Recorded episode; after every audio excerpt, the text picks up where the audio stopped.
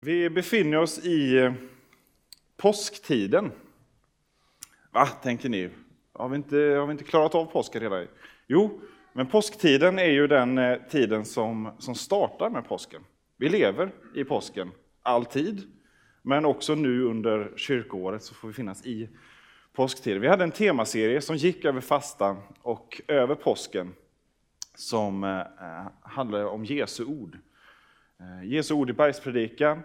Och Magnus, min kollega, fick avsluta den eh, predikan med ett tema Jesu ord som grund. Och det vi gör nu i maj är att ta oss vidare från den predikan, skulle man kunna säga, med Jesu ord som grund.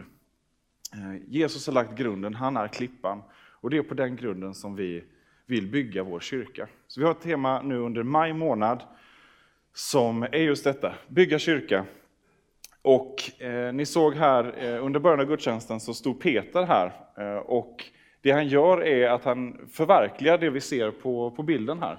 Det här är Legos eh, första och enda kyrkmodell från 1957.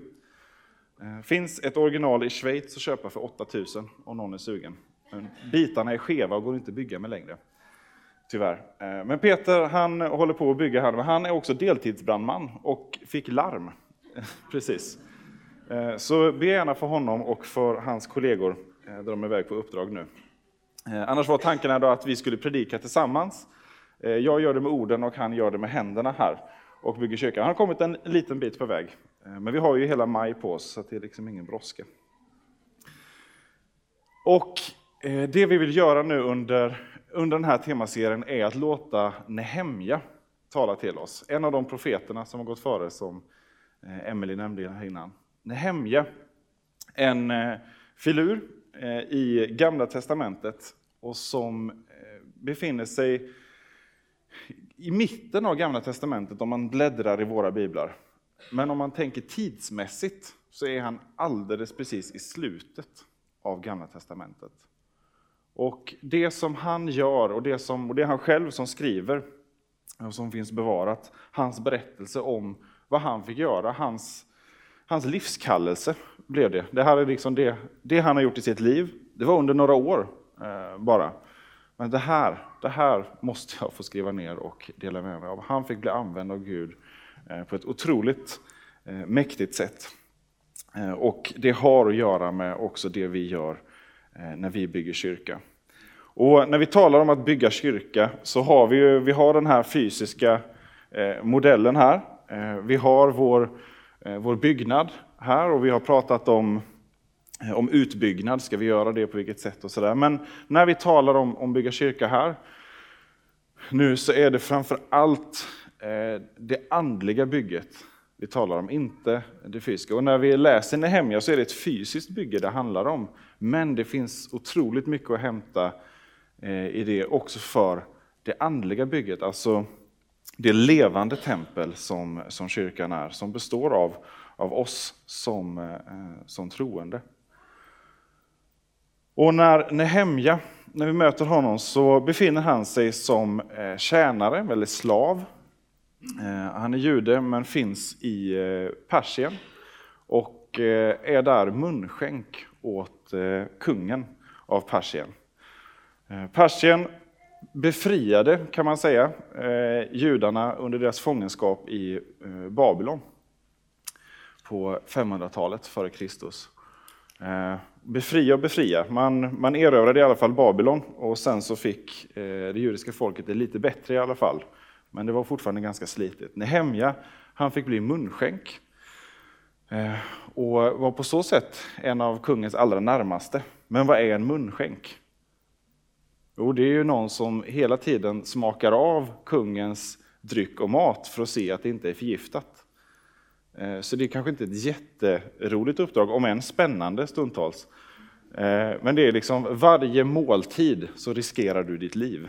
Eh, Secret Service för amerikanska presidenten kan ju slänga sig i väggen. Här är det liksom varje måltid innebär en, en potentiell dödsfara. Och det var det verkligen, för att Persien, som så många andra dynastier där makten är det högsta värdet, eh, var svårt plågat av intriger och maktspel och sådär.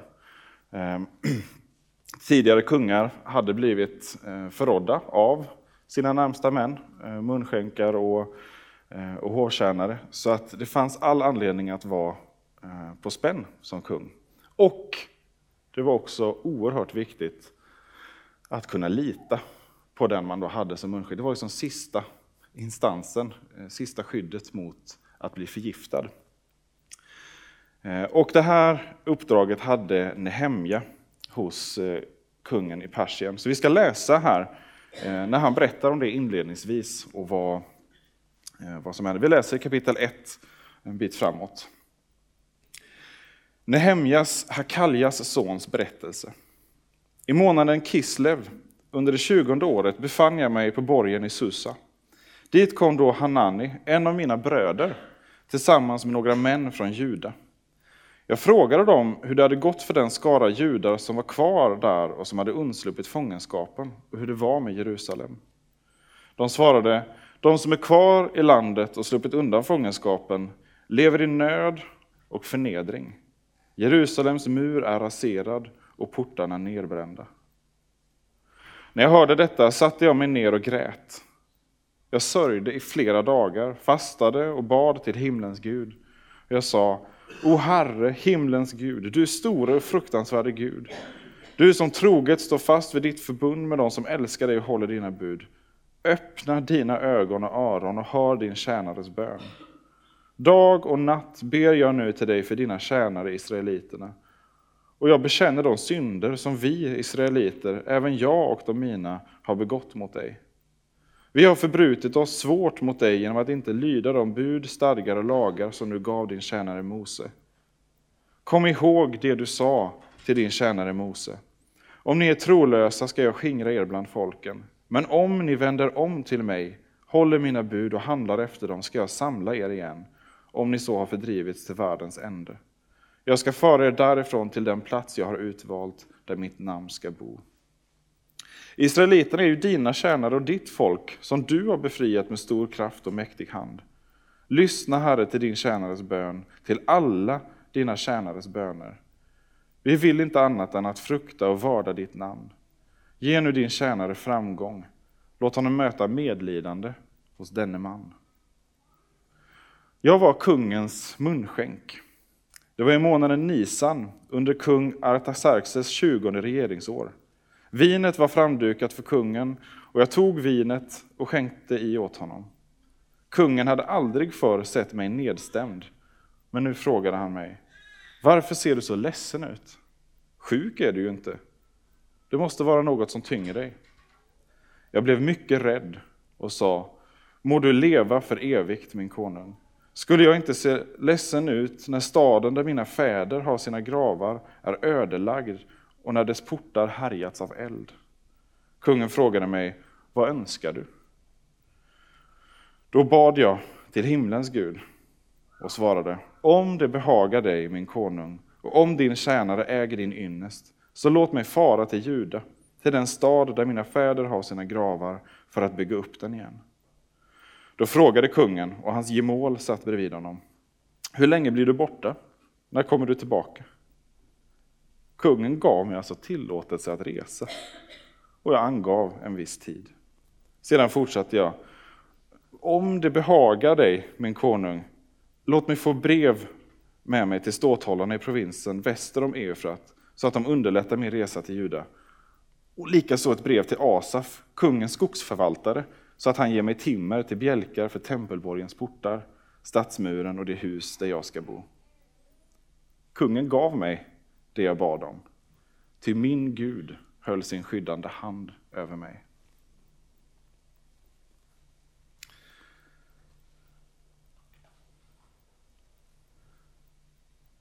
När vi säger att vi vill vara kyrka, vi vill ha en kyrka här i EFS-kyrkan, vi vill vara en kyrka för Ängelholm, för vår tid, så satsar vi på någonting som länge har ansetts ganska uträknat. Eh, utspelat. En, eh, en reporter sa till Alf Svensson när han var eh, partiledare för Kristdemokraterna att alltså, ni har ju hundraåriga värderingar. Nej, nej, sa Alf, tusenåriga. Eh, att bygga på någonting sedan gammalt är inte en svaghet, även ifall det har målats upp så i vår samtid, där allting ska förnyas och vara nytt och fräscht eh, hela tiden. Och vi har som kyrka, och nu talar jag inte bara om, om oss här, utan jag talar om, ofta nu genom predikan, om som kyrka i allmänhet i, i vår tid och vår kultur. Eh, Var ganska ängsliga på grund av detta. Men vi vill ju vara fräscha och kulturellt relevanta och hippa och eh, sådär. Vi vill ju passa in, vi vill visa att vi är, vi är ändå ganska normala. Och så blir vi, blir vi lite ängsliga. Är det så att det är lite för gamla grejer vi sysslar med? Vi kanske måste hitta på något nytt.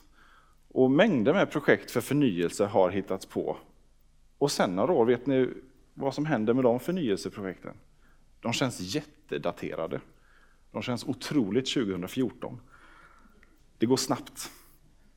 Vad vi behöver göra är att, att hålla fast vid det vi har från början. Är det någonting som vi vet håller, ja då är det ju det som, som har byggts genom århundradena. Sen så kan det få lite olika uttryck och utseende eh, och sådär, men vi måste fokusera på det som är centralt, det som är grunden när vi lever våra liv som kristna, när vi bygger kyrka.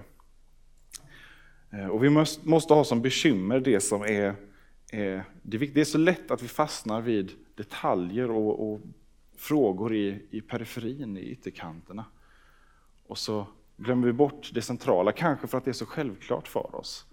Att få formulera vår tro på Jesus Kristus som uppstånden, som Herre. På på Bibeln som Guds ord, på, på kyrkan som Guds verktyg för att nå den här världen. De här centrala sakerna som, som är så självklara och samtidigt så är det där vi hela tiden upplever en utmaning. När, när Nehemja här går hos kungen i Persien och får, får höra, och han frågar då eh, sina landsmän när han får träffa dem, hur, hur står det till med vår vår stad. Jerusalem som är platsen där Gud gör sitt namn känt. Platsen där Gud möter människor, mänskligheten, i templet, Guds närvaro. Hur står det till? Och så kan man nästan men ana Nehemja önskar ju att här, nu när, när eh, Babylonien är ute ur, ur spelet, att nu börjar det väl ordna upp sig igen där hemma. Allt ligger öde. Muren är fortfarande raserad. Och vad är då Nehemjas första reaktion? Jo, han ser, ser på tillståndet. Han ser inte på tillståndet kanske med mänskliga ögon först och främst. Ja, nu måste vi visa att vi är starka och mäktiga som folk. Nej, utan han ser på det med Guds ögon.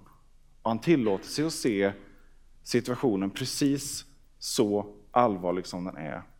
Och vad är det Nehemja tar fasta på? Han tar inte fasta på i bönen här om murarna och det fysiska bygget och om staden ska vara befäst och, och skyddad ur ett mänskligt perspektiv.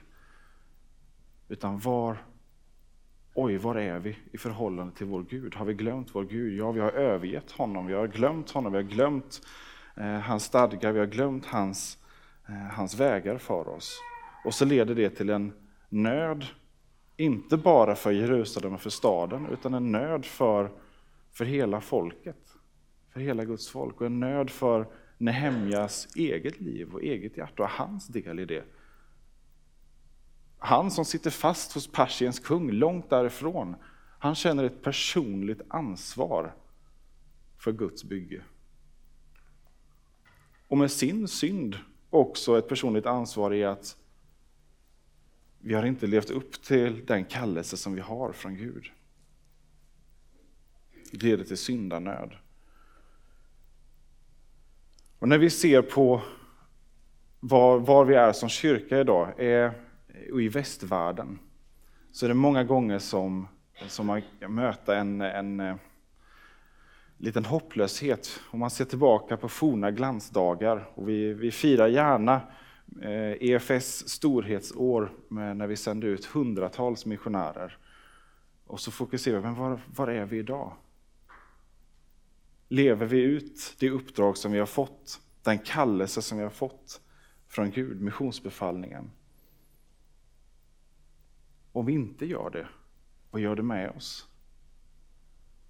För mig är det väldigt lätt att då hitta andra saker att fokusera på. Ja, men vi har åtminstone det här och vi har åtminstone gör vi det här. Och, eh, och det handlar inte om, om siffror och resultat, utan och så blir det gärna sätt att, att undvika att se den, den bittra sanningen att som kyrka i Sverige idag så är vi inte, har vi inte ett jättestort inflytande på vårt land idag.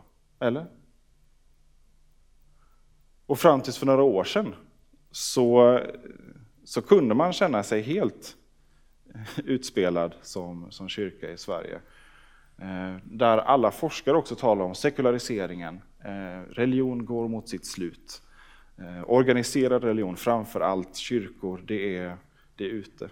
Men de senaste decennierna så har vi sett trenden vända. Kanske är det så att vi har varit på den absoluta botten och börjat inse att där kan, där kan vi inte vara. Guds kyrka måste spela större roll än vad den har fått göra de senaste decennierna i Sverige. Eh, och nu talar eh, forskare, samma forskare som innan talade om att religion har spelat ut sin roll, talar om ett påkristnande och en religionens återkomst i Sverige. Men det här är ingenting som sker av sig själv. Det här sker därför att människor som har gått före oss har böjt sina knän och precis som Nehemja fått nöd för vårt land, för vår kyrka. Och den nöden, den behöver vi förnyas i gång på gång på gång. Och när vi följer Nehemja här genom boken så är det inte den här inledningsbönen och sen så går det utan problem och friktionsfritt. Utan gång på gång så måste han söka Gud, gång på gång så måste han förnyas i, i den här kallelsen. Han skulle kunna tänkt från början försvara sig med att ja, men det, det, det bor ju i alla fall folk i Jerusalem fortfarande. Det är skönt. Och, och stadsmur, känns inte det lite 700 före Kristus? Det har, det har vi gjort. Nej, utan han, han låter sig drabbas av, av nöden. För vad är, bara en sån sak som stadsmur, vad indikerar det? Att, att stadsmuren inte är uppbyggd nu? Jo, man har kapitulerat fullständigt inför de eh, andra som, som hade makten, lydkungarna i området. Och rädslan för vad de skulle göra om man börjar bygga på Israels huvudstad igen, höll en tillbaka. Och faktum var att man var mer rädd för lydkungarna än vad man fruktade Gud, än vad man trodde på Gud och trodde om Gud. Rädda eller bekväma, jag vet inte. Och då måste vi fråga oss, vad är det som driver oss? Vad är det som, som ger oss riktningen? Som både som individer, som personer, men också som, som kyrka här i Sverige. Är det, är det tron på en allsmäktig, evig Gud som har en kallelse för oss att vara hans hand i det här samhället, hans värld? Eller styrs vi av rädsla och ängslighet för allt det som finns runt omkring oss istället?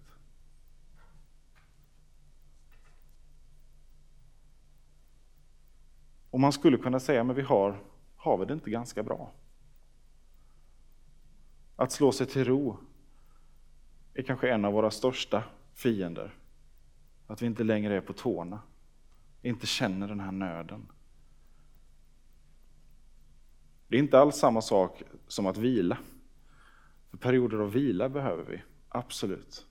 Och vila i att det är Guds nåd som är grunden för det. Vila i att det vi gör, det är gärningar förberedda av Gud. Men det är inte samma sak som att slå sig till ro och tänka att det räcker, vi är färdiga. Majoriteten av Ängelholm känner inte Jesus, vet inte vem han är, vet inte vilken befrielse som väntar när vi låter honom få vara Herre. Och då måste vi fråga oss, för vem är det kyrkan byggs? Är det för oss som redan har hittat in hit i den här kyrkbyggnaden eller är det för alla andra? Är det för Guds syften eller är det för våra syften? Det vi längtar efter, är det samma sak som Gud längtar efter just nu? Stannar vi upp, ber och omvänder oss och låter Gud få ta tag i våra hjärtan, även om det blir precis så smärtsamt som det blir för Nehemja. Och även om det leder till just det som det leder till för Nehemja. För vad gör han? När han har fastat och bett och sökt Gud, när han hör om hur illa det är ställt, hur lite tro det finns där hemma. Han kommer med ett fruktansvärt eh, förslag. Han är tjänare, slav, förvisso en av de som åtnjuter kungens största förtroende eftersom han litar på honom som munskänk. Men han kommer inför kungen eh, i en kultur där det är eh, förbjudet att misshaga eh, den här envåldshärskaren. Och han är inte glad och munter och check, som man alltid ska vara när man kommer inför kungen. Och det är inte så att han inte bara har en lite då, alltså han har inte den bästa dagen, utan kungen ser, det är någonting med dig. Och det står att Nehemja blir rädd, jag blev mycket rädd. Och jag bad till min Gud, därför att han visste, nu kanske jag ryker. Jag har inte varit på topp här, inte gjort det som som den här världen förväntar sig av den här världens härskare. Makten som jag står inför. Jag har inte behagat. Och så vänder han sig till Gud. En kort, snabb, tyst bön. Gud, led mig nu i det här. Och vad gör han? Han säger precis som det är. Och vad är det han säger då? Eh, jag vill inte vara kvar här. Han dissar den världens mäktigaste man. Han är dessutom inte där eh, på, av egen fri vilja. Det är inte så att han säger upp sig och har tre månaders uppsägningstid. Han är slav. Och vad är det han säger? Jag vill tillbaka till Juda, ett av de här små struntrikena som, som du har erövrat. Eh, och jag vill bygga upp vår huvudstad igen. Alltså det Nehemja gör är nästan, han, alltså, jag skulle vilja starta ett litet uppror här. Så förstå att Nehemja är rädd. Inte bara för att kungen avslöjar honom och ser att du inte är på ditt bästa humör idag, utan också för att han, han lägger fram hela sitt ärende. Det som, som Gud har lagt på hans hjärta, som går rakt emot vad som förväntas av honom, vad som förväntas i den kulturen, i den tiden, i det här samhället och framförallt av just den här personen som han är ansvarig inför. Men hem, jag vet, precis som apostlarna, när de ställs inför eh, härskarna på, på den tiden, att vi måste lyda Gud mer än människor. När det hamnar i konflikt med varandra. Han kryper inte för makten, men han ställer sig inte heller bara tvärs emot den. Utan han följer det som Gud har lagt på hans hjärta. Just nu har det hamnat i konflikt med där han är. Men det innebär inte att han målar upp en situation där det antingen är jag för eller så är jag emot min omgivning. Utan han ger fortfarande kungen den största respekt och tilltalar kungen. Och uppenbarligen så finns det ju också en förtrolig relation eh, här emellan. Inte bara det eh, förtroendet som munskänk, utan någonting i kungen tar ju tag här. Så jag tror att här finns någonting också av, Eh, av riktig vänskap som har kommit genom åren. Där kungen har sett att Nehemja är en genuin man att lita på.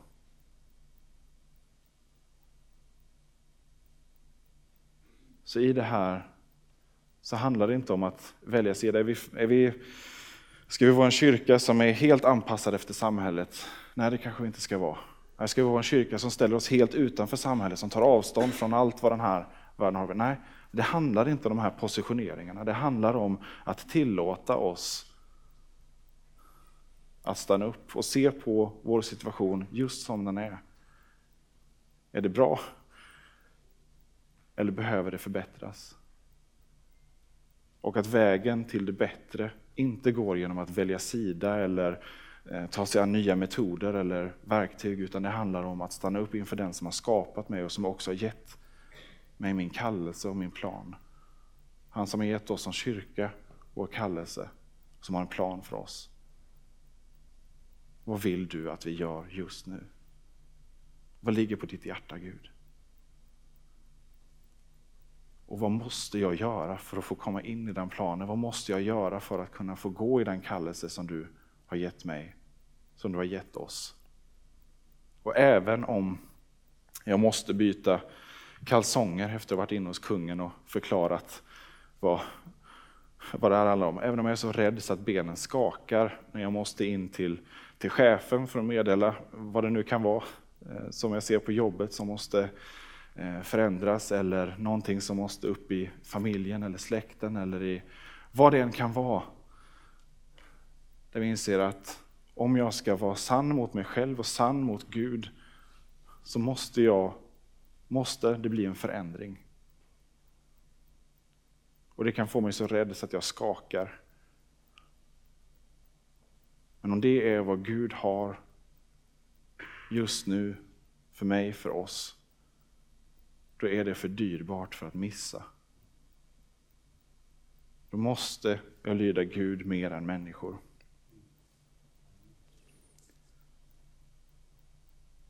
Och faktum är att bygger vi på det sättet, ja då, då är det inte ens vi själva som bygger.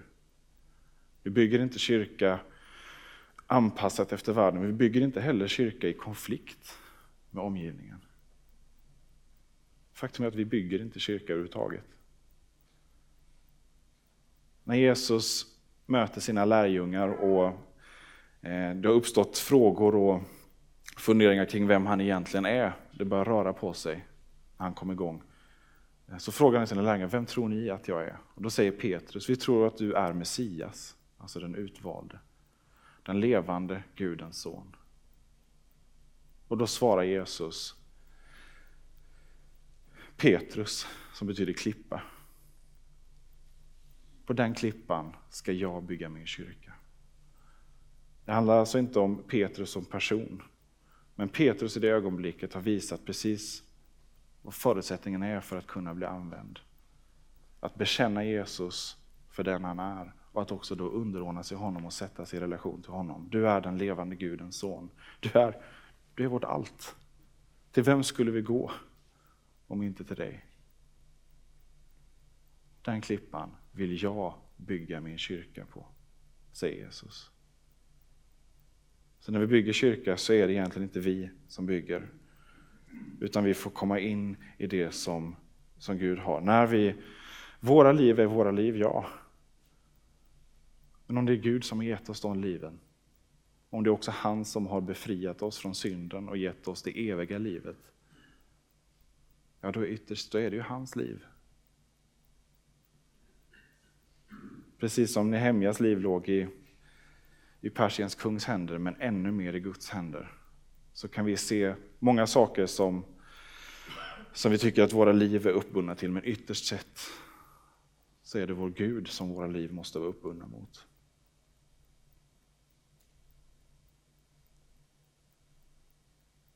Så vågar vi fråga oss var vi står idag. Både som församling men också som, som individer.